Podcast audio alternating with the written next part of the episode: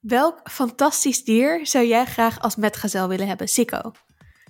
Ik heb even wat research gedaan en ik denk dat ik een Urkling wil hebben. Die zijn namelijk enorm goed in het uh, wegleiden en verleiden van kinderen. Dus dan wil ik er eentje domesticeren in mijn huis, die mijn kinderen wegleidt bij mijn podcaststudio op het moment dat ik bezig ben.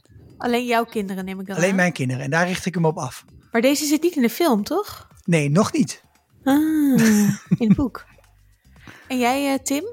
Ik dacht dat iedereen hier Niffler ging zeggen. Maar om dan even van... Ja, Niffler lijkt me natuurlijk gewoon ver bovenaan staan. Heb maar je Nifflers dacht... voor bitcoins, is de vraag. Nifflers.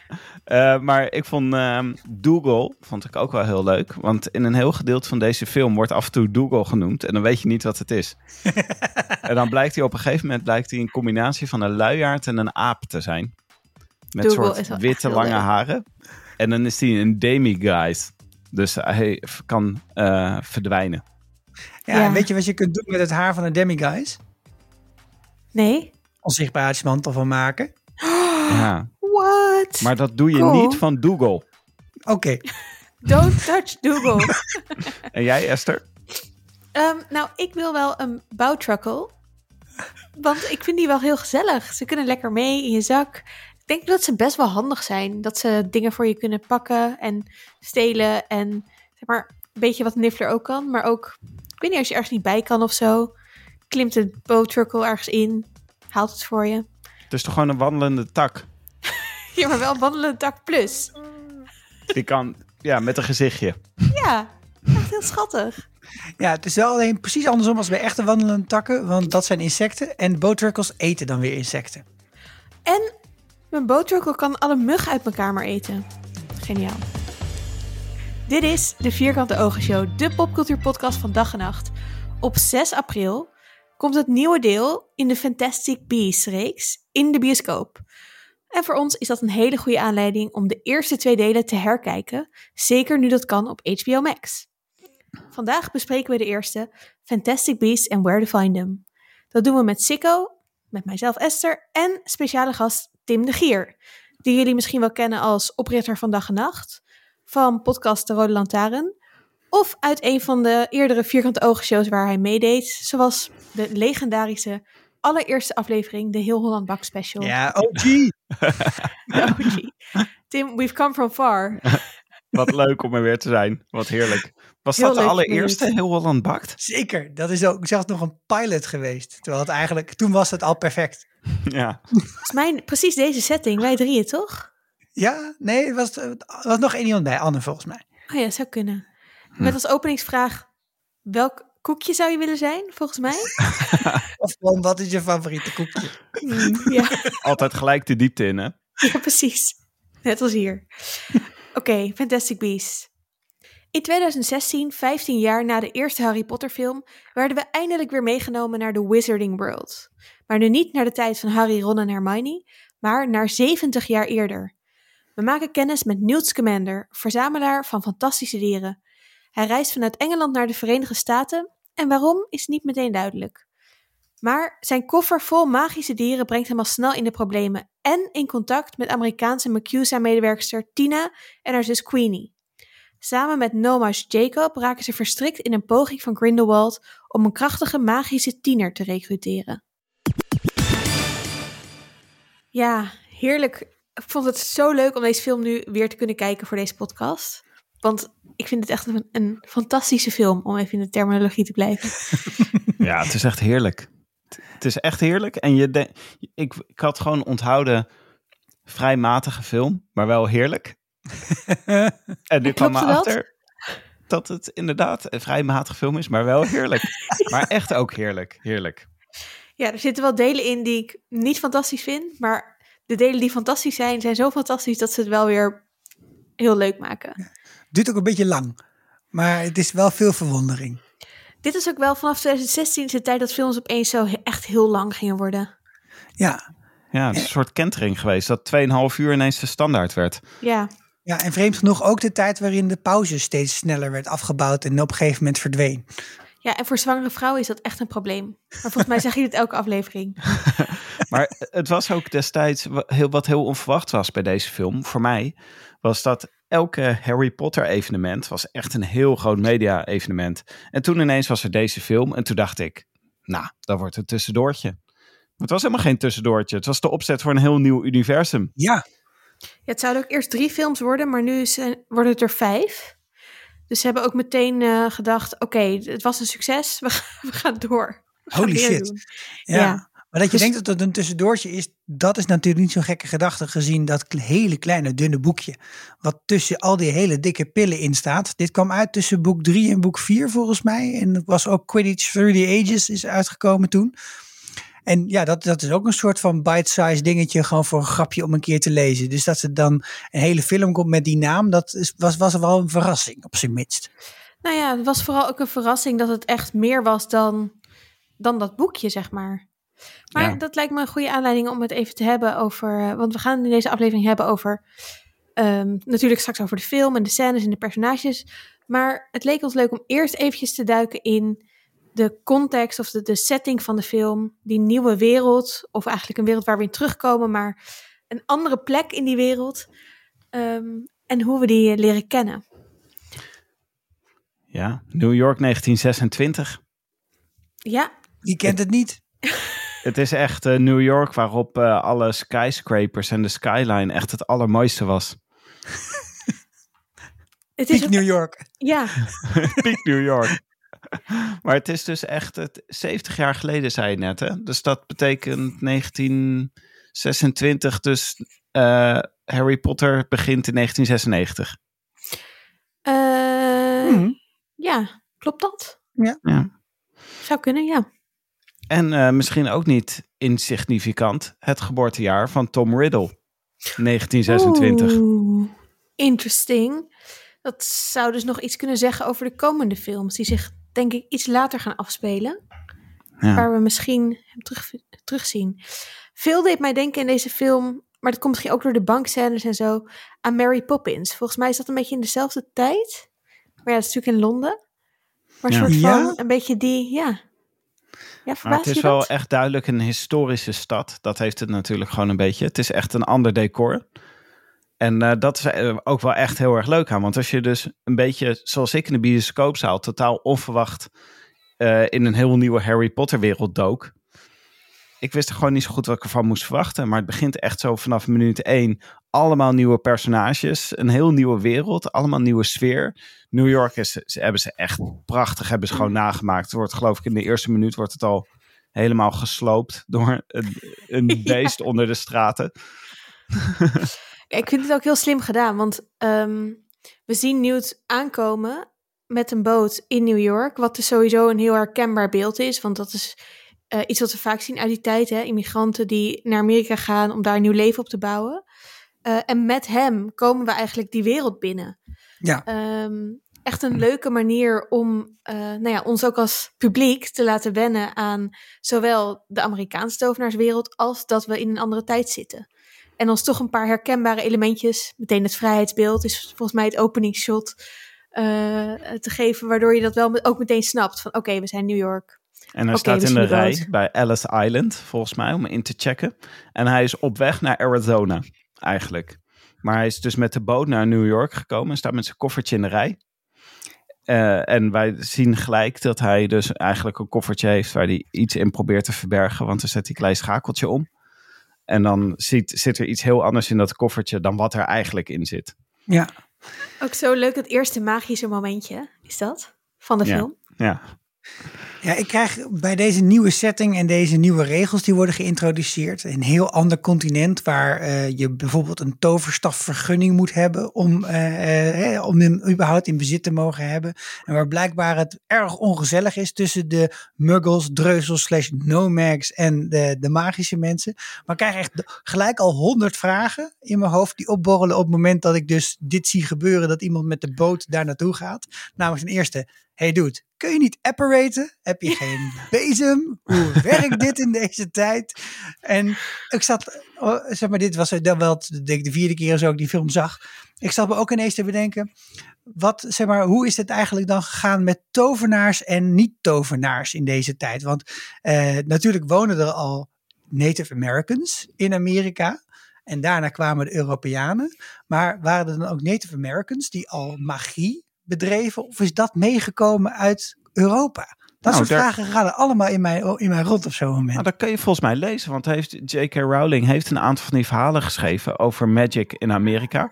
En ik dacht dus ook zo, ja, het is logisch dat we nu naar het verhaal zich naar Amerika verplaatst. Want ze we hadden al een aantal van die inleidende verhalen gekregen. Over zo'n magische kolonie, geloof ik, in Amerika. Maar ook over de Amerikaanse Hogwarts, eh Ilvermorny. Mhm. En daar had ze al van... huizen. eh, wat zeg je? Met die vier huizen. Met vier huizen. Ja, met vier met heel huizen. veel die- poten en een of andere slang. Ja, met vier huizen die naar magische dieren zijn genoemd. Maar ook, je merkt gewoon in de hele film dat de magische wereld... Het is niet alleen 70 jaar eerder in de tijd, maar ook op een andere plek op de wereld. Waar blijkbaar heel andere regels gelden. Want tovenaars die zijn daar gewoon een beetje een soort van onderdrukte groep mensen. Die, eh, zich, eh, die, die zich echt proberen te verbergen. Terwijl in Engeland, je hebt, eh, al, daar heb je al allemaal plekken waar tovenaars gewoon naartoe kunnen. Diagon Alley en zo, weet je wel. Waar het gewoon midden in de stad gewoon een deel voor tovenaars is. Ja, volgens mij is ehm ehm de dorp waar Harry vandaan komt. mm, Godric Hollow. Godric Hollow. Is ook, leren we in boek 7 dat dat ook al een hele oude tovenaarsplek is. ja. Ehm, ja, ja, kunnen we wat verschillen? Wat zijn dingen die meteen opvallen tussen de, de Amerikaanse en de Engelse wereld? Ik denk dat dit er inderdaad één is. Ehm, maar ik denk ook dat het wel een beetje in die tijd gold hoor. Ik vraag me af of dat niet in Engeland ook was. Eh, of in andere delen, zeker een beetje al vooruitkijken naar de volgende film. Dat ehm, tovenaars wel een soort van zich onderdrukt voelden door ja. Nou, kijk, daar is ook het een en ander aan geschiedenis over bekend. Maar wat, wat wel heel typerend en ook belangrijk is voor deze film, is dat er dus inderdaad een soort periode is geweest dat ze zelfs zijn bejaagd. Hè? En dat, dat wordt helemaal gekoppeld aan de verhalen die zeg maar, bekend zijn uit de Amerikaanse geschiedenis zelf. Die we trouwens ook heel uitgebreid terugkregen in eh WandaVision. Namelijk over de Salem Witch Trials. Dit heet ook de Nieuw Salem, die ze min of meer achtervolgt en probeert te. En er zit het hele verhaal in dat ze, dat ze daadwerkelijk bejaagd zijn als eh, tovenaarswereld. En dat vind ik ze- mezelf ook wel enigszins lastig voor te stellen. Als je dus ze allemaal magische krachten hebt, dan wat, wat maken ze hier nou? En dat heb je ook meegekregen uit Harry Potter zelf. Dat, je hebt toch altijd wel het gevoel die, dat, dat de tovenaarswereld zoiets heeft van leuk, leuk, schattig die muggles. Maar wij doen even ons ding. En dat is hier niet helemaal de verhouding. Nee, ik ben wel benieuwd waar dat door komt, inderdaad. Daar krijgen we niet bepaald een verklaring voor. Nou, misschien komt dat nog in die Nou, nieuwe films. Ik denk wel dat wat Fico zegt, dat dat komt door die Salem Witch Trials eerder. Want er ontstond dus in Salem op een gegeven moment een soort volkshysterie. Waarop, waar, waarop ze allemaal heksen gingen eh, berechten. Allemaal mensen van hekserij gingen beschuldigen. En toen zijn volgens mij alle tovenaars zijn daar heel erg in de onderdrukking geraakt. En die Nieuw Salem, of hoe heet ze? Salem's, Salem 2. Second Salem? Second Salem. ja. Ja. Die zijn dus gewoon... Niet bedenken wat de afkorting daarvan is. Gewoon doorpraten. die- ja, maar die komen gewoon... Ja, precies. Gewoon doorpraten. Daar had ik helemaal niet over nagedacht. Briljant. Genius! Ja. Maar die, ko- die komen volgens mij gewoon vanuit dat idee. Dat ehm, eh, het is vreselijk om een, eh, om een heks te zijn. En Ja. om aan hekserij te doen. Dus die onderdrukken zoveel mogelijk. Het is gewoon een soort radicale anti-tovenarijgroep.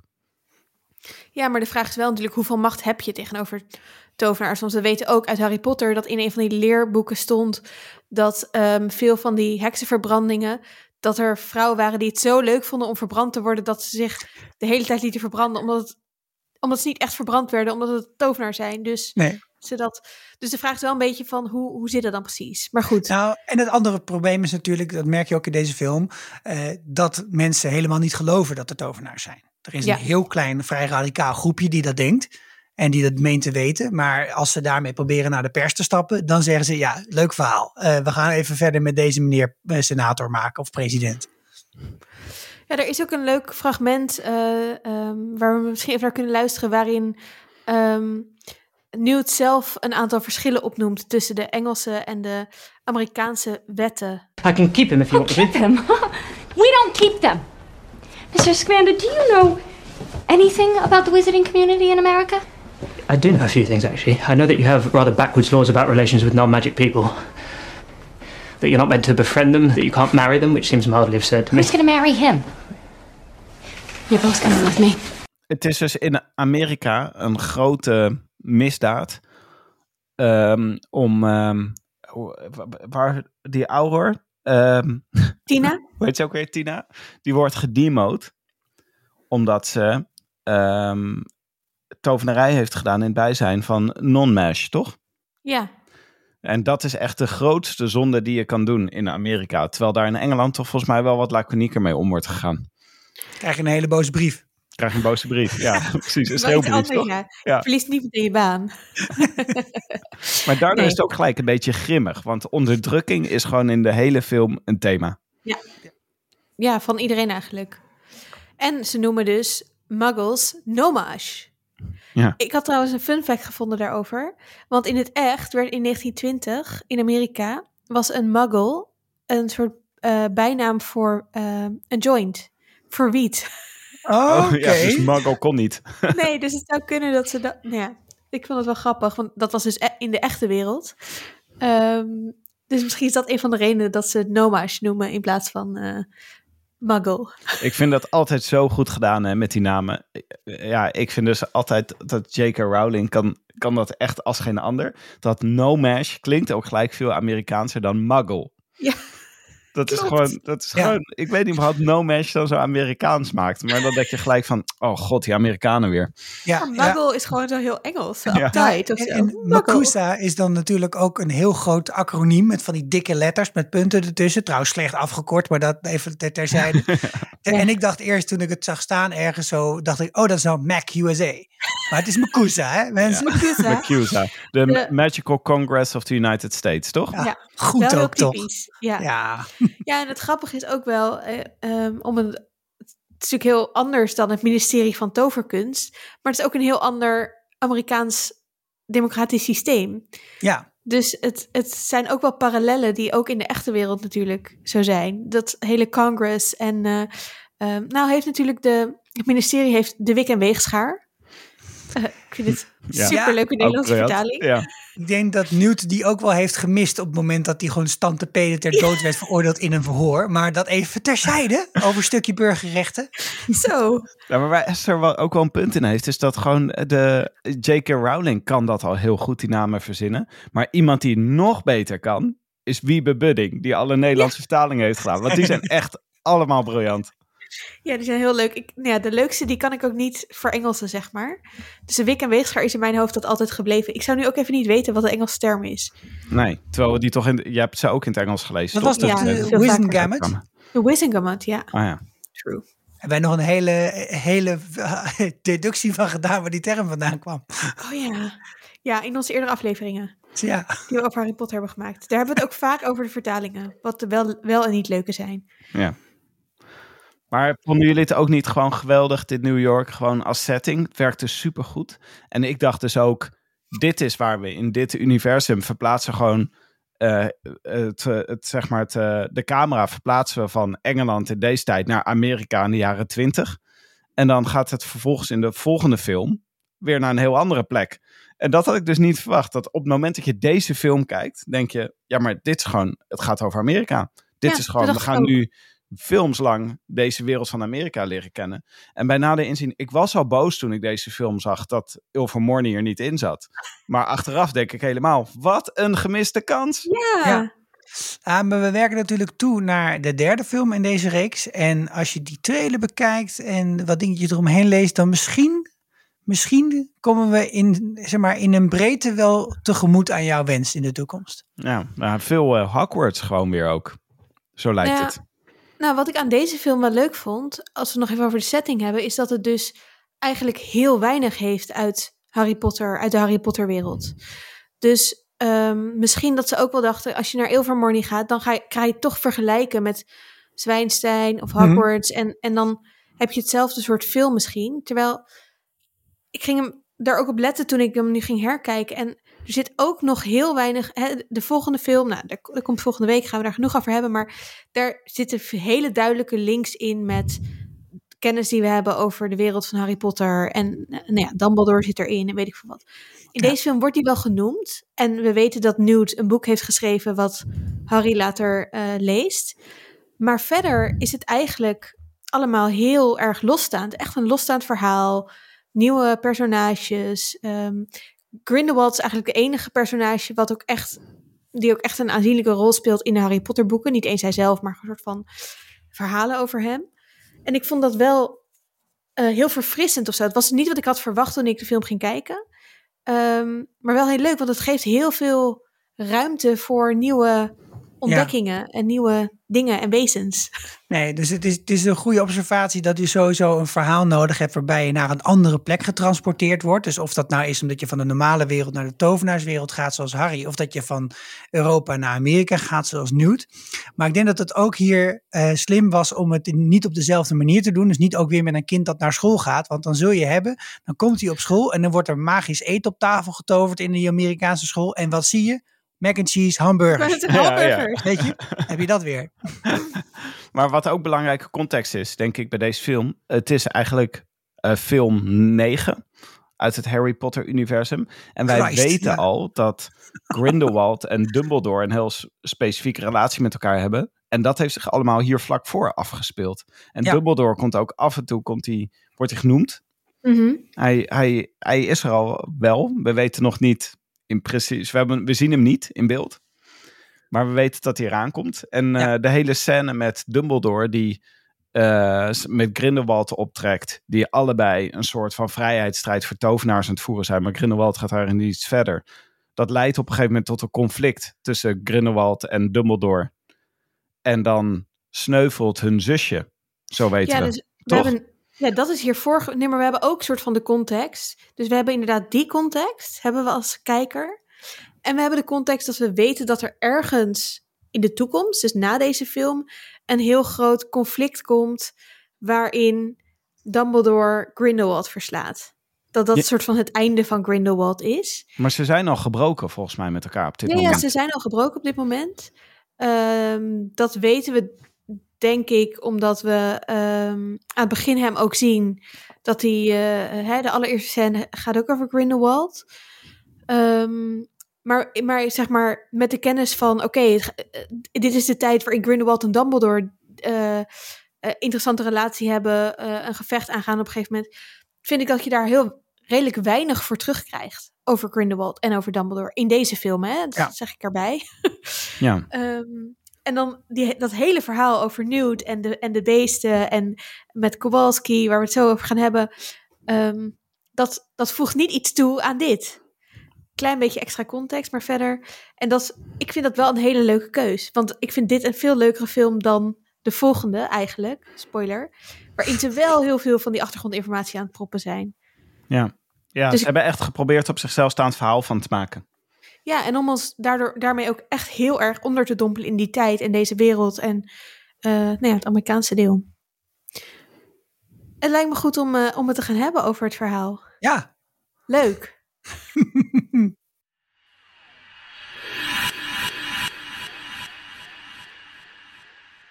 Laten we het even hebben over wat we de leukste scènes vonden eh, en verhaallijnen en wat we daar allemaal van geleerd hebben. En ik wil wel met, meteen beginnen. Wat Ja. nobel van je. Ik pak gewoon even deze vloer. Ehm, met die scène dat eh Newt net aan is gekomen. Nou, we hebben het al over de bootscène gehad. Hij is net aangekomen in New York. En hij eh, gaat een beetje luisteren naar zo'n, eh, naar die eh, Second Salem eh, eh, vrouw die iets aan het vertellen is. en dan ontsnapt zijn lieve kleine Niffler. Precies voor een bankgebouw. Ja. Waar een eh, nou ja, hele leuke scène is, vind ik, dat die Niffler allemaal dingen gaat stelen. Waar Newt kennis maakt met Kowalski. Waarin we zien hoe Kowalski zijn eh, ehm, gebakjes probeert te verkopen. Of in ieder geval een, een, een, een lening wil vragen voor een bakkerij. Op basis van de heerlijke gebakjes. Ehm, en eh, dat die gebakjes eh, niet genoeg zijn. Wat is je collateral of zo, vragen ze?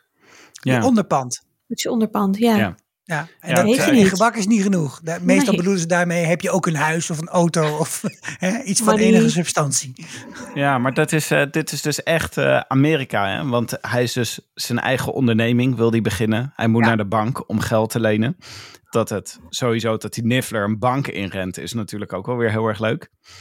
En eh, er staan dus op de trappen van die bank staan die eh, Second Salem mensen staan eh, een beetje te als secte staan ze, staan ze te oreren. Dus we Waarom zitten er daar? gelijk helemaal in, toch? Waarom staan Zit ze er gelijk daar? helemaal in. Wat is de logica? misschien omdat het een drukke plek is. Oké. Ja, vroeger gingen mensen nog wel eens naar de bank natuurlijk. Precies. Het was the place to be in die tijd. Tegenwoordig was het de, de blockchain. Maar Precies, dat ja. is, Online. dat, dit is geweldige introductie natuurlijk ook voor Newt Scamander. ja. Die we op dat moment eigenlijk nog alleen maar kennen als schrijver van een boek uit de Harry Potter serie. Ja, het geeft hem ook meteen heel veel lading als personage. Omdat hij zo heel ehm, quirky eh, door die bank aan het eh, eh, sluipen is. Om die Niffler te pakken te zien te krijgen.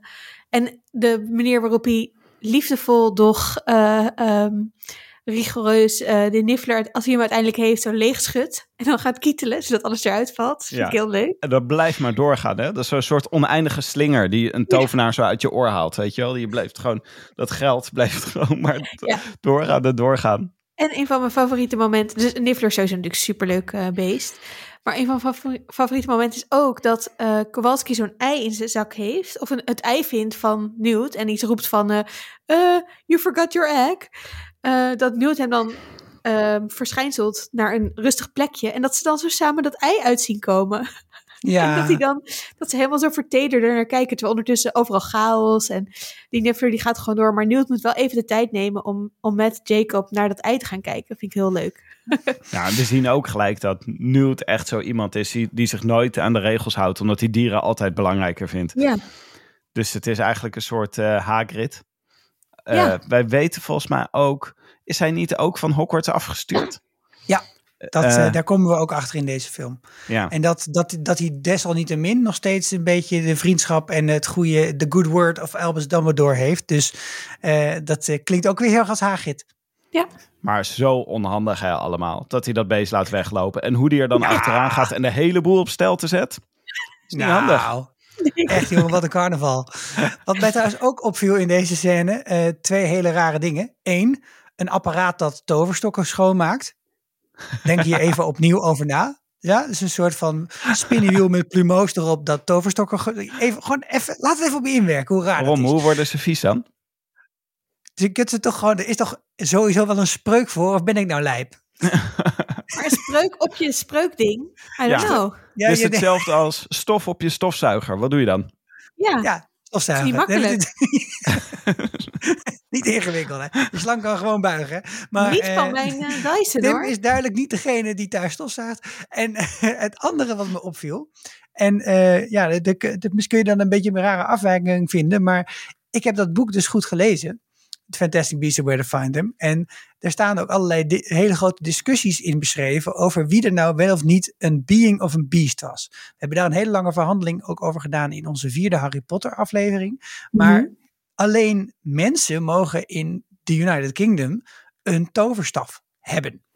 En huiselfen en goblins, et cetera, niet. En hier stond er eentje in de lift. En die drukt zo met een toverstaf. Dat is niet in deze scène. Dat is de scène later als ze naar Mercusa gaan. Oh, als we naar Cusa gaan. Ah ja. maar ja, dat was mij ook opgevallen. En die eh, huiself, eh, die heeft, eh, is gewoon volledig gekleed.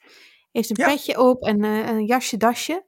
Dus ik las ook, ik, ik was er ook wat op, eh, over aan het opzoeken, dat er een eh, eh, theorie is dat huiselfen in Amerika eh, vrij zijn. Of in ieder geval vrij waren in die tijd. Ehm, dus dat niet zoals in, eh, in Engeland, dat eh, die allemaal een master hebben die hun eh, kleren Hmm. onthoudt en daardoor slaafs maakt. Maar dat ze gewoon in dienst zijn van eh Macusa en, en dat werk doen en daar betaald voor krijgen. Ja. Vond Is ik best wel cool. Grappig dat je dus wel een, een toestemming en een permit nodig hebt. Of een licentie. Maar dat dan die licentie wel breder wordt uitgegeven. Ik vond dat, Ja. dat vind ik dan leuke, te subtiele verschillen. Denk ik ook. Eh, andere favoriete scènes? Nou, wat ik echt, ik vind dat het hele idee van, eh, van, van tassen en koffers die oneindig groot zijn als je er eh, naar de binnenkant gaat, heb ik altijd al heel leuk gevonden. En dat is met, die, met de tent die ze hebben bij het World Cup Quidditch, et cetera. En dat, nou, het één stukje irritatie is dat die koffer steeds open gaat. Denk ik, daar moet je toch ook iets voor kunnen verzinnen. Maar als je dan eenmaal daar binnen bent, dan kom je in de fantastische wereld van de Fantastic Beast. En ik vind het, het achtergrondverhaal hiervan ook heel leuk. En dat, dat hebben ze ook wel echt gebaseerd op dat hele dunne boekje, waar toch heel veel in staat. Namelijk dat die fantastische wezens, die toverwezens, die worden toch echt gezien als een soort bedreiging voor de geheimzinnigheid en de verhulling van de magische wereld. Eh, en waarschijnlijk zullen er ook andere redenen zijn, maar ze worden dus bejaagd. En Newt, die is eigenlijk als een soort van John Hammond in de tweede Jurassic Park film, in een soort van conservator aan het worden.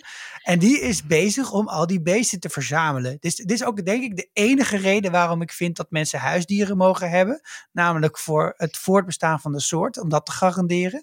Maar dat is hij dus heel erg gaan doen. En hij gaat de hele wereld over om die beesten te verzamelen. En eh, hij ziet dat mensen geen enkel respect hebben voor die dieren, die hij dus zo ongelooflijk bewondert. En dat aspect vind ik echt supergoed in deze film naar voren komen. En hij doet het met zoveel toewijding. Maar even Ja. deze scène en die scène in het park, dat ze, of de scène dat ze al die dieren gaan verzamelen, Ja, dat is toch gewoon de basis van deze film. Wat Ja. deze film zo leuk maakt. Ja. Ja. Maar dit is dus ook wat ik zo mooi vind om te merken aan J.K. Rowling uit deze jaren. Is dat ze gewoon. Niemand durft meer tegen haar te zeggen dat iets te veel is. Dat doe je gewoon niet. De grootste schrijver ooit. Weet je wel, de meest populaire schrijver ever in de geschiedenis. Maar je ziet gewoon aan al die verhaallijntjes, ziet ze gewoon, ik ga gewoon nog een verhaallijntje toevoegen. Gewoon Ja. nog een personage, nog een dier, nog een dier, nog een dier. Ja. En weet je wat deze kan? Ja, en weet je wat deze kant en weet je wat deze kant en weet je hoe dit eruit ziet? Maar, en ik ben er ook helemaal klaar voor. Ik vind de leukste scènes uit deze films, laat me gewoon zoveel mogelijk van dit soort verzinsels achter elkaar zien. Ja. Ja. En ik vind het super. Ja, Ik vind het ook heel grappig dat Kowalski op een gegeven moment zegt: Ja, nu weet ik wel dat ik niet meer aan het dromen ben. Want ik heb niet een. Ik kan, ik kan dit gewoon niet bedenken. precies. Zoveel extreme, extremiteiten. Maar ik vind dus ook alles aan deze film is net een beetje too much. Ook bijvoorbeeld Newt Scamander. Wat Sikko net omschrijft, dat maakt Newt Scamander superleuk. Zeg maar iemand die dus gewoon de hele tijd bezig is met dieren te beschermen. En, en daar ook actief mee bezig is. Een hele wereld voor rondreist. En ook zijn hele morele kader daaraan afmeet. Ja. Maar daarbuiten heeft dus eh, Eddie Redmayne, die, hem, eh, die hem speelt, die heeft dus ook bedacht. Ik ga de hele tijd met waterige oogjes in de camera kijken. Ik ga een beetje met mijn voeten uit elkaar lopen. Ik ga squirky doen in elke scène waarin ik voorkom. Het is echt gewoon... Die gast heeft echt het overacting, heeft hij echt uitgevonden. Het is Ja. een en al quirkiness. Het is gewoon overdosis quirky. Maar ze hebben hem dus ook ehm, gecast zonder audities. Het was gewoon: deze guy moet het worden. Hij hoefde geen auditie te doen. Mm. Dit is nieuws. Ik, En ze hadden geen ja, alternatieven. ik kende hem alleen maar van Les Miserables, volgens mij. Oh, is het, Niet eh, van. eh, Waar ik hem heel irritant in vind, maar dat is anders. Nee, maar heeft dit... dat- een Oscar gewonnen voor die film over. ehm, over Stephen Hawking ja, Ja, ja, Theory of Everything. speelt hij ook. ja. Nee, en, en die, die overgave die jij beschrijft, Tim, die, die, vooral op het moment dat hij die errumpent, ja, dus dat is die ene, dat is die rhinoceros. Mm. Nog een leuk feitje dus over, dus die, die, die, die neus die kan dus overal doorheen piercen, hè, dus ook door metaal, et cetera. En het vervelende is dat hij dus een ontploffende eh, stof inbrengt op het moment dat hij ergens in pierst. En dat schijnt een heel groot probleem te zijn gedurende het paringsseizoen. En niet om de reden die jij nu denkt. Nee, Oh. niet om die reden. Maar omdat ze die mannetjes met elkaar vechten. En die zetten elkaar dus de hele tijd in de fik. maar dat, dat die Newt, die doet dan die, die musk zo op zijn, eh, op zijn nek zo. En dan gaat hij van die geluiden maken. En over de grond rollen. Nou, dan Ja. lig Dat ik ook zo naast de bank hoor. Het is zo overdreven. Het is echt Overdreven. Het is met dit- al die scènes. Ik weet zeker dat zij gewoon eh, een eerste versie van het script af had. En ernaar keek en dacht: hmm, dit kan net iets meer. Dit kan gek.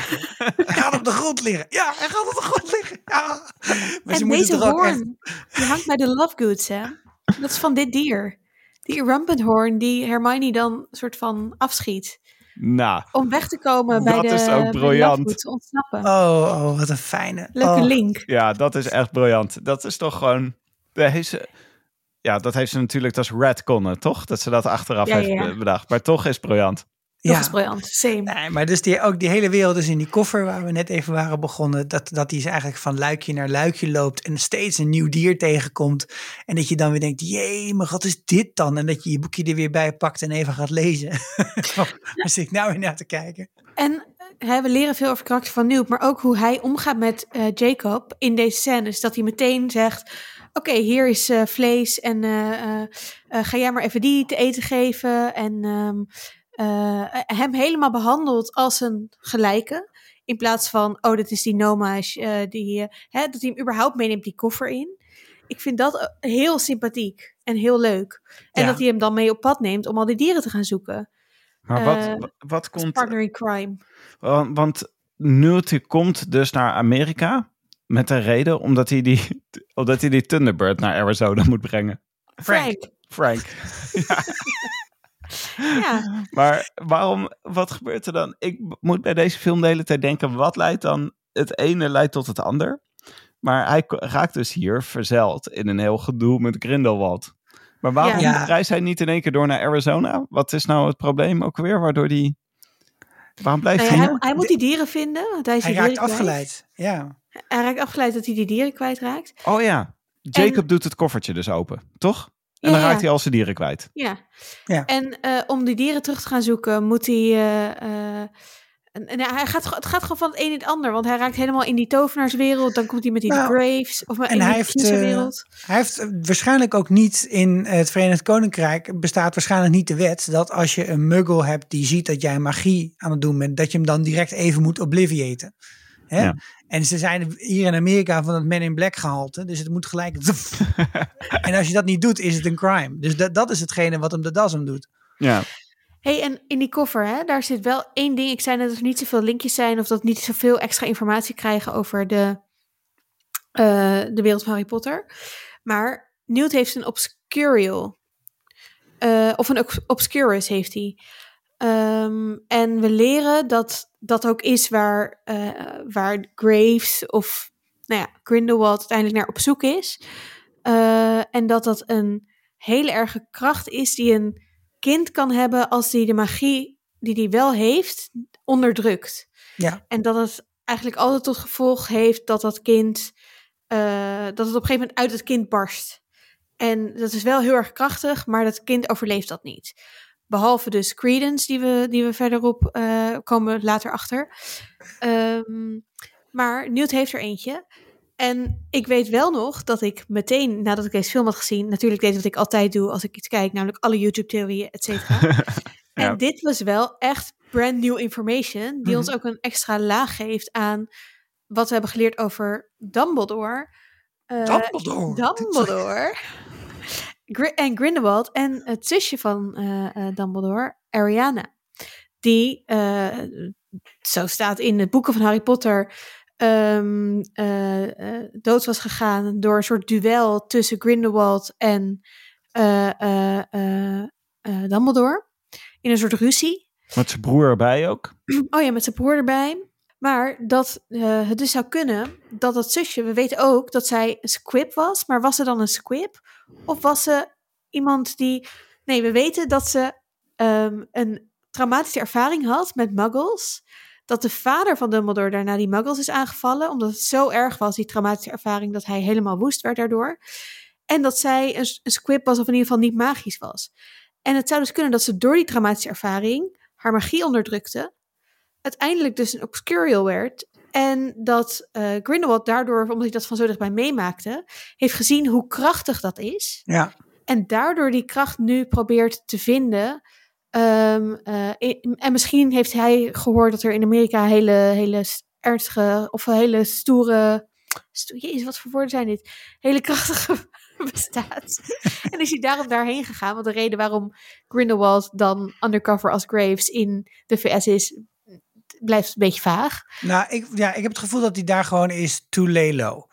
Ja, dat hij, dat hij is ook. gevlucht en dat is zo van where is Grindelwald en Ja, en ja. dan ga je undercover als eh, een hoge eh McCusa-baas. Nou, Nou ja, we, zien al, we zien gelijk in het begin zien we al dat New York geteisterd wordt hè, door zo'n obscurious. Obscurial? Obscurious. Ja, Obscurial. mij is, Obscurus. Is de Obscurus dat ding en de Obscurial is de persoon die het heeft? Ah, ja. Zoiets? Hmm. Nou, laten we dat gebruiken voor nu. Maar de Obscurus, die is, al gelijk in de eerste scène zien we dat, eh, dat Ja. ze daar geteisterd worden door dat ding. Ja. Dus als we ervan uitgaan dat ehm, Grindelwald op zoek is naar de kracht die dat ding ontketent, dan kan je me best voorstellen dat hij dacht, nou, ik ga me verkleden als de hoogste baas bij, bij de Amerikaanse Ja. politie. Maar goed, ik ga me verkleden om te kijken eh, wat er aan de hand is en of ik daarvan kan profiteren. En op zich ook wel handig als je gezocht wordt door de politie om dan je te verkleden als politie. Precies, precies. Dicht bij de bron gaan zitten. Inside, precies. Hè, alle criminelen wonen naast het politiebureau. Maar Maar ik ben echt overtuigd van deze theorie. Dat wil ik nog even bijzeggen. ja, Ik denk dat het zo is gegaan. en dan Ariana was een Obscurial. nog, ik denk, ik voel hier ook heel veel voor. En ik wil hem nog wel even iets verder afpellen. Ja, ja. Want Newt heeft dus zo'n wolkje in een bubbel. En dat is dus de Obscurus die in dat meisje zat. Want daar vertelt hij over. Maar niet in Ariana. Nee, nee, nee. Dus hij, hij was, hij was, hij In was Egypte. Ja, en hij, hij heeft daar gezien dat het meisje overleed en dat, zij, dat dit ding overblijft. En dat heeft hij direct in een soort bubbel gevangen. Wat, en dat vind ik dus interessant, want is dat dan de ziel van dat meisje, die op een of andere manier helemaal donker is geworden? Of is het een ding wat dat meisje heeft bezeten? Is het zeg maar omen-theorie? Of is het wat overblijft van Darth Sidious? Oeh. Ja, Ja, dat is een goede vraag. Want het is dus altijd, je hebt de host en je hebt dat ding, je, je creëert dus gewoon een soort zwart gat ernaast. Ja, maar is, was dat dus de magische eigenschap van de persoon die geïnternaliseerd is en eh, onderdrukt en die eruit gebroken is? Of is er iets voorbij gekomen wat zo vloep bleef plakken en toen weer door Nee, dat eerste. Ja? Ik denk dat, dat- het is de het dan een persoon? jezelf. Ik denk dat het wel iets heeft van een persoon. Dus Ja? ik denk dat. eh, eh, we zien ook dat eh, Credence, die verandert toch in die op, Obscurial. Die, Ja, die vliegt ook soort van van de ene plek naar de andere kant als dat ding. Eh, en dan raakt hij, als hij er dan uitkomt, dan is hij op een andere plek. Dus ik denk echt dat, dat het jouw kracht is die jou overneemt. Dat het een soort innerlijke strijd is tussen een veel te sterke kracht en een, en een niet-magisch persoon. En dan, ah, dat ja, denk ik. Maar dit is ook, eh, dit, dit is wel interessant, want Credence die verandert op een gegeven moment aan het einde van de film. Dan eh, is hij helemaal eh, los. En dan, oh, hij is helemaal, hij is helemaal in, de, me- in de metro zijn ze. En dan op een gegeven moment dan wordt hij, hij wordt kleiner doordat Tina tegen hem gaat praten, toch? En dan verandert hij gewoon meer in een mens.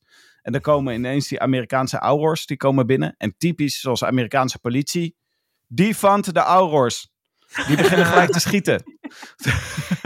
Ja, zo typisch. Dit werkt niet. Dus die beginnen gelijk weer te schieten, waardoor die weer helemaal losgaat. En die Grindelwald, die staat er gewoon... Dus Grace blijkt Grindelwald te zijn. Die staat er gewoon bij. En die vindt het gewoon allemaal fantastisch. Want die denkt, yes. Eh, volgens mij denkt hij...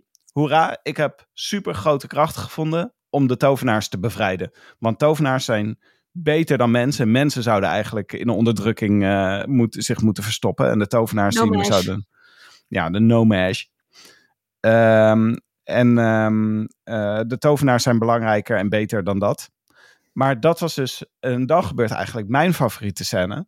Eh, want dan komt er iets tevoorschijn, of dan blijkt dus dat Grindelwald wordt afgevoerd door de Aurors. Ehm, die, Grindelwald blijkt Johnny Depp te zijn. Dat is natuurlijk voor de hele bioscoopzaal was dat op dat moment. Gasp. Major gasp. En die wordt afgevoerd, wordt gearresteerd door de, door de ehm Macusa. En die loopt langs... Newt onthult hem, hè? Ja, hij loopt langs Newt eh, in deze scène. En dan zegt hij dit. But we die just a little. We die just a little. En dan was, eh, daaruit blijkt, hij kijkt naar Newt's commander van, wij hebben elkaar eerder gezien, wij kennen elkaar.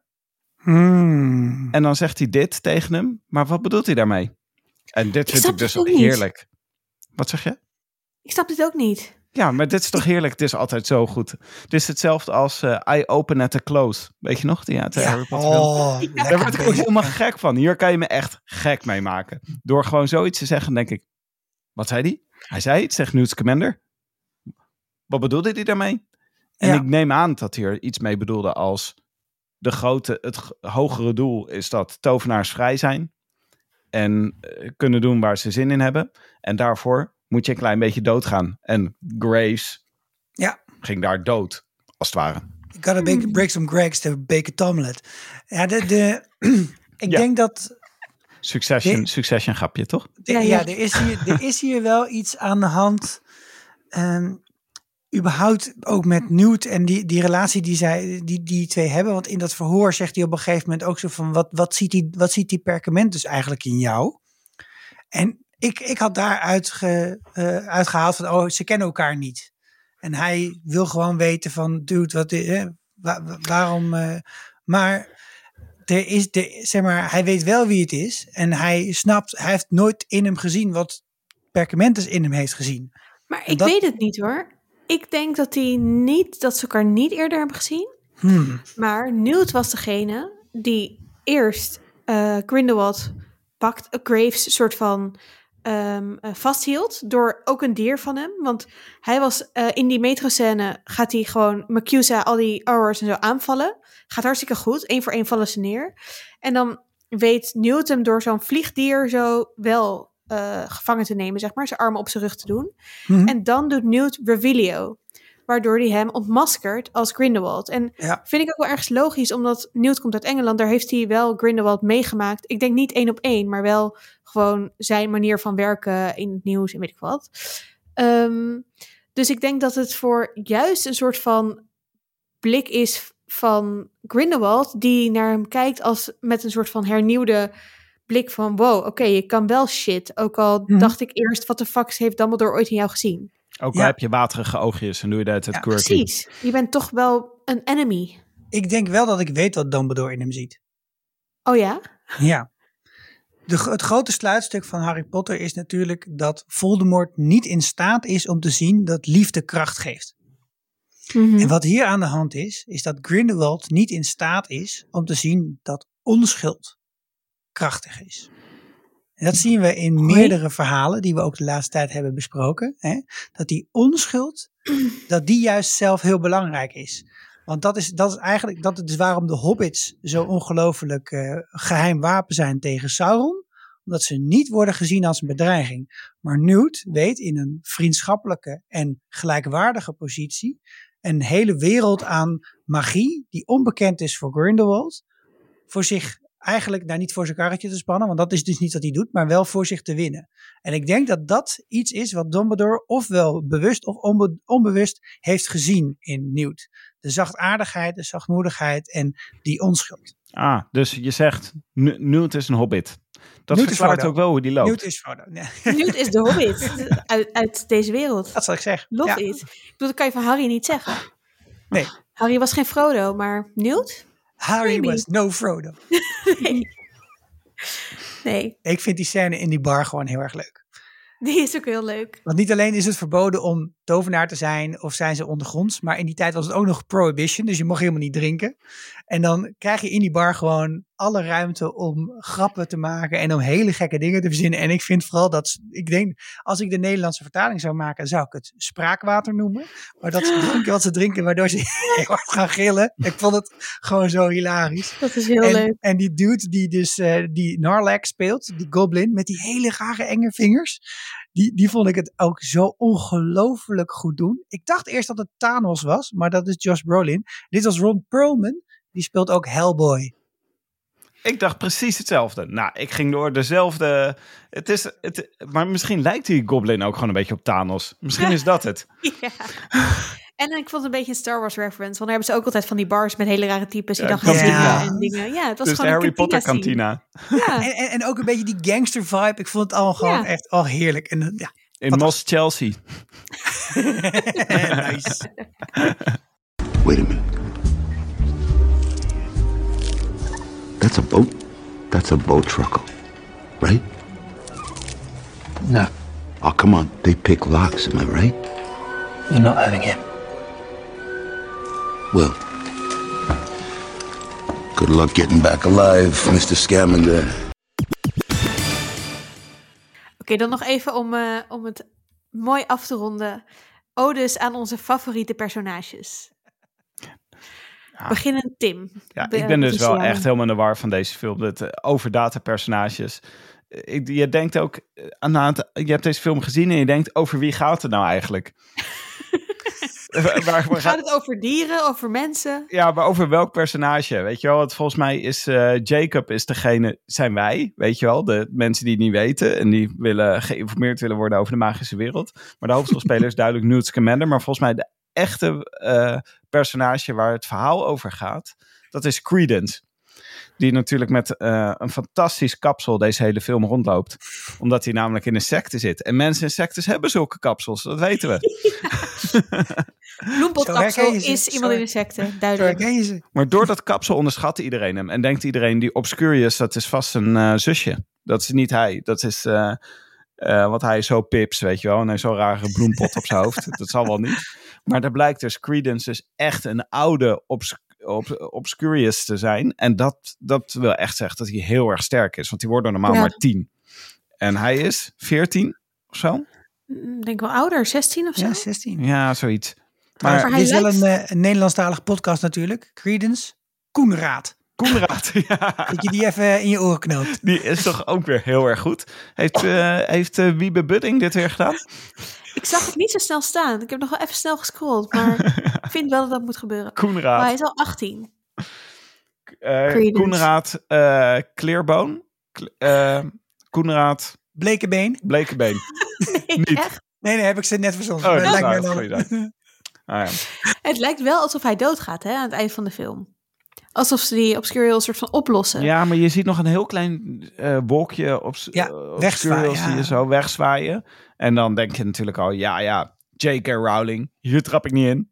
Die kennen we. Die kennen Net we, als ja. met eh, de, elke deze scène zit natuurlijk eh, de regen van het, verge- van het vergeten. Zit, eh, Ja. Dat hele stad moet even vergeten dat er een soort epische strijd heeft plaatsgevonden in de stad. Ja, ja. Er zijn ondertussen geen mensen naar buiten en naar binnen gegaan. Dus, Natuurlijk als je niet. buiten was, was je buiten. Ja, maar hier zie je al dat dat in principe geldt voor iedereen. Behalve waarschijnlijk voor de hoofdrolspelers, want dat is Nou, onhandig. En dat eh, brengt me bij het, wat een heerlijke eindscène is ook. Maar ook mij, een, iemand waar ik nog wel heel even een extra eh ode aan wil geven. Namelijk Kowalski, Jacob. Die aan het einde dus wel nog net genoeg weet dat hij hele wonderlijke broodbaksels maakt van eh, eh, de demi, Dougal de Demiguys en eh, alle andere wezens. En dat hij zodra die Queenie ziet, zijn hand in zijn nek legt waar hij die Murtlap beet heeft gehad. Eh, Die Murtlap beet, zeg je casual. Ja, tuurlijk. Ja, heeft hij, kent heeft hij ook nog meegemaakt, ja. Ja. Ehm, Queenie is Maar- ook leuk, toch? Queenie is ook heel leuk. Ik vind ook heel leuk aan Queenie, zij is een eh legilimens. Maar zij gebruikt die legilimentie heel, eh, dat, dat, dat is zo heel erg onderdeel van haar. Dat ze dus van iedereen weet hoe ze zich voelen en wat ze denken. En dat gaf me ook een stukje meer context bij hoe dat misschien werkt in Harry Potter boeken. Ik denk altijd, volgens mij heb ik het in die vorige afleveringen die we hebben gemaakt over Harry Potter ook wel gezegd, maar Dumbledore is een fucking mindreader. Als je dat in je achterhoofd houdt bij het, lezen, het herlezen van de boeken, dan denk je echt bij alles.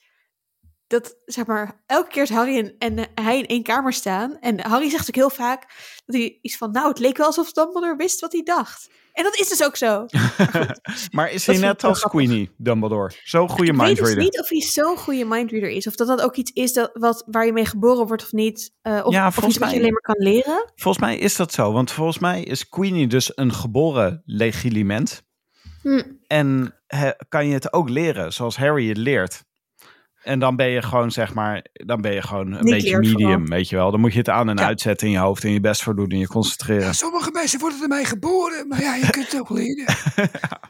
Ik snap niet dat elke wizard dit niet aan het leren is. Want hoe Nee. fucking chill is dit? En hoezo wordt het niet gegeven op Hogwarts? Ja, maar oké. maar, dit, maar dit soort verwonderingen hebben we vaker gehad. En dat is gewoon hetzelfde. Ik snap niet dat niet iedereen in tropisch hardhout investeert. Weet je, dat dit, ja, je hebt gewoon andere shit te doen. Nee. Ja. Maar Kowalski dus, superleuk personage. Super blij dat hij in de nieuwe film ook terug gaat komen. Ja, man. Ehm, eh, precies wat jij zei, Tim. Je, hij staat op hetzelfde niveau als de luisteraar. Dat is heel leuk. Eh, die, zeg maar, die hele nieuwe wereld ontdekt en alles denkt: wow, dit is echt freaking amazing. Eh, dus dat maakt hem al heel leuk om, om in mee te leven. Maar hij is ook gewoon heel grappig, heel ontwapenend. Gaat in alles mee. Gewoon als een soort Ja. van: oké, fuck this shit. Ja. Ja, Sure, als jullie dit willen. Ik geloof het allemaal. Ik doe mee. Hij is echt een mooi eh, symbool voor de hele film. Want zijn, zijn verhaal heeft geen enkele functie in het geheel. Je kan hem gewoon weglaten. Maar heerlijk dat hij overal bij is. Want het veroorzaakt de hele tijd problemen dat er één mukkel bij is. En dat hij op het eind die eieren krijgt van Newt vind ik ook heel leuk. Omdat het toch een soort van hun banding ding was, dat ei. En dan krijgt hij die hele gouden schalen. Ja. Mooi, mooi. Sikko, ja. daar wil je nog even stilstaan. We kunnen niet genoeg rumpende horens opsteken. We hebben er al een paar gedaan voor onze Newt. Ja. Ik vind hem een heel begeesterend personage in deze films. Niet, niet, niet in de laatste plaats dus, omdat hij zich helemaal overgeeft aan hetgene wat zijn hobby is. Maar ik vind gewoon ook de manier waarop hij acteert. Ik ben, zeg maar, ik, ik ben volgens mij het tegenovergestelde van wie hij is. Hij is heel verlegen en hij kijkt je dan nooit, nooit echt helemaal recht aan. Altijd een beetje schuin en hij, hij schuifelt een beetje en hij, hij, hij, hij, hij flupselt overal zo tussendoor.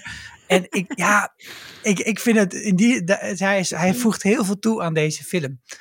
En hij, hij heeft, wat, ja, wat je dus ook in Hagrid wel zag, maar dat was gewoon een, een beer van een gozer natuurlijk. Maar hij heeft die, die, dat hele grote respect en dat hij heel goed invoelt van dit moet je doen bij dit dier en dit moet je doen bij deze persoon. En hij, hij is super sensitief. En dat maakt hem gewoon echt een heel erg leuk personage in deze hele grote mix van mensen.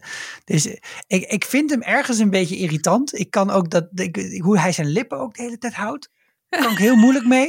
Oh nee, daar ga ik nu op letten. Ja, je zegt, Tim zit ook te knikken. hè? Ja, je wilt- weet wat ik bedoel. Ja, maar Die, die waterige oogjes, daar kan ik dus ook niet ja. mee dealen. En, en, en, maar en ook de manier waarop hij praat vind ik eigenlijk heel vervelend. Maar toch, alles dan bij elkaar vind ik het wel heel fijn dat hij erin zit. Ja, en even extra props voor zijn kledingstijl. Hij ziet Ja. er de hele tijd. De manier waarop hij het ook draagt is echt perfect. Hij heeft gewoon een strik om, hè, de hele tijd. Maar hij loopt er gewoon bij alsof hij zijn zondags, eh, alsof hij zijn joggingspak aan heeft. Ook alsof hij totaal niet over heeft nagedacht en gewoon hop, hop, hop. Ja, hups, spencertje, strikje. Pracht, die jas. Schitterend, toch? Ja, Schitterend. Ik vind ook een hele, ik vind het wel een aantrekkelijke man. Sowieso deze acteur, maar ja, ook nieuw, zeker. Ja, maar het is echt zo'n duidelijk. Het is zo'n eh, zo'n model met hoge jukbeenderen, weet je wel. En dan met Ja. eh, sproetjes en eh, nou ja.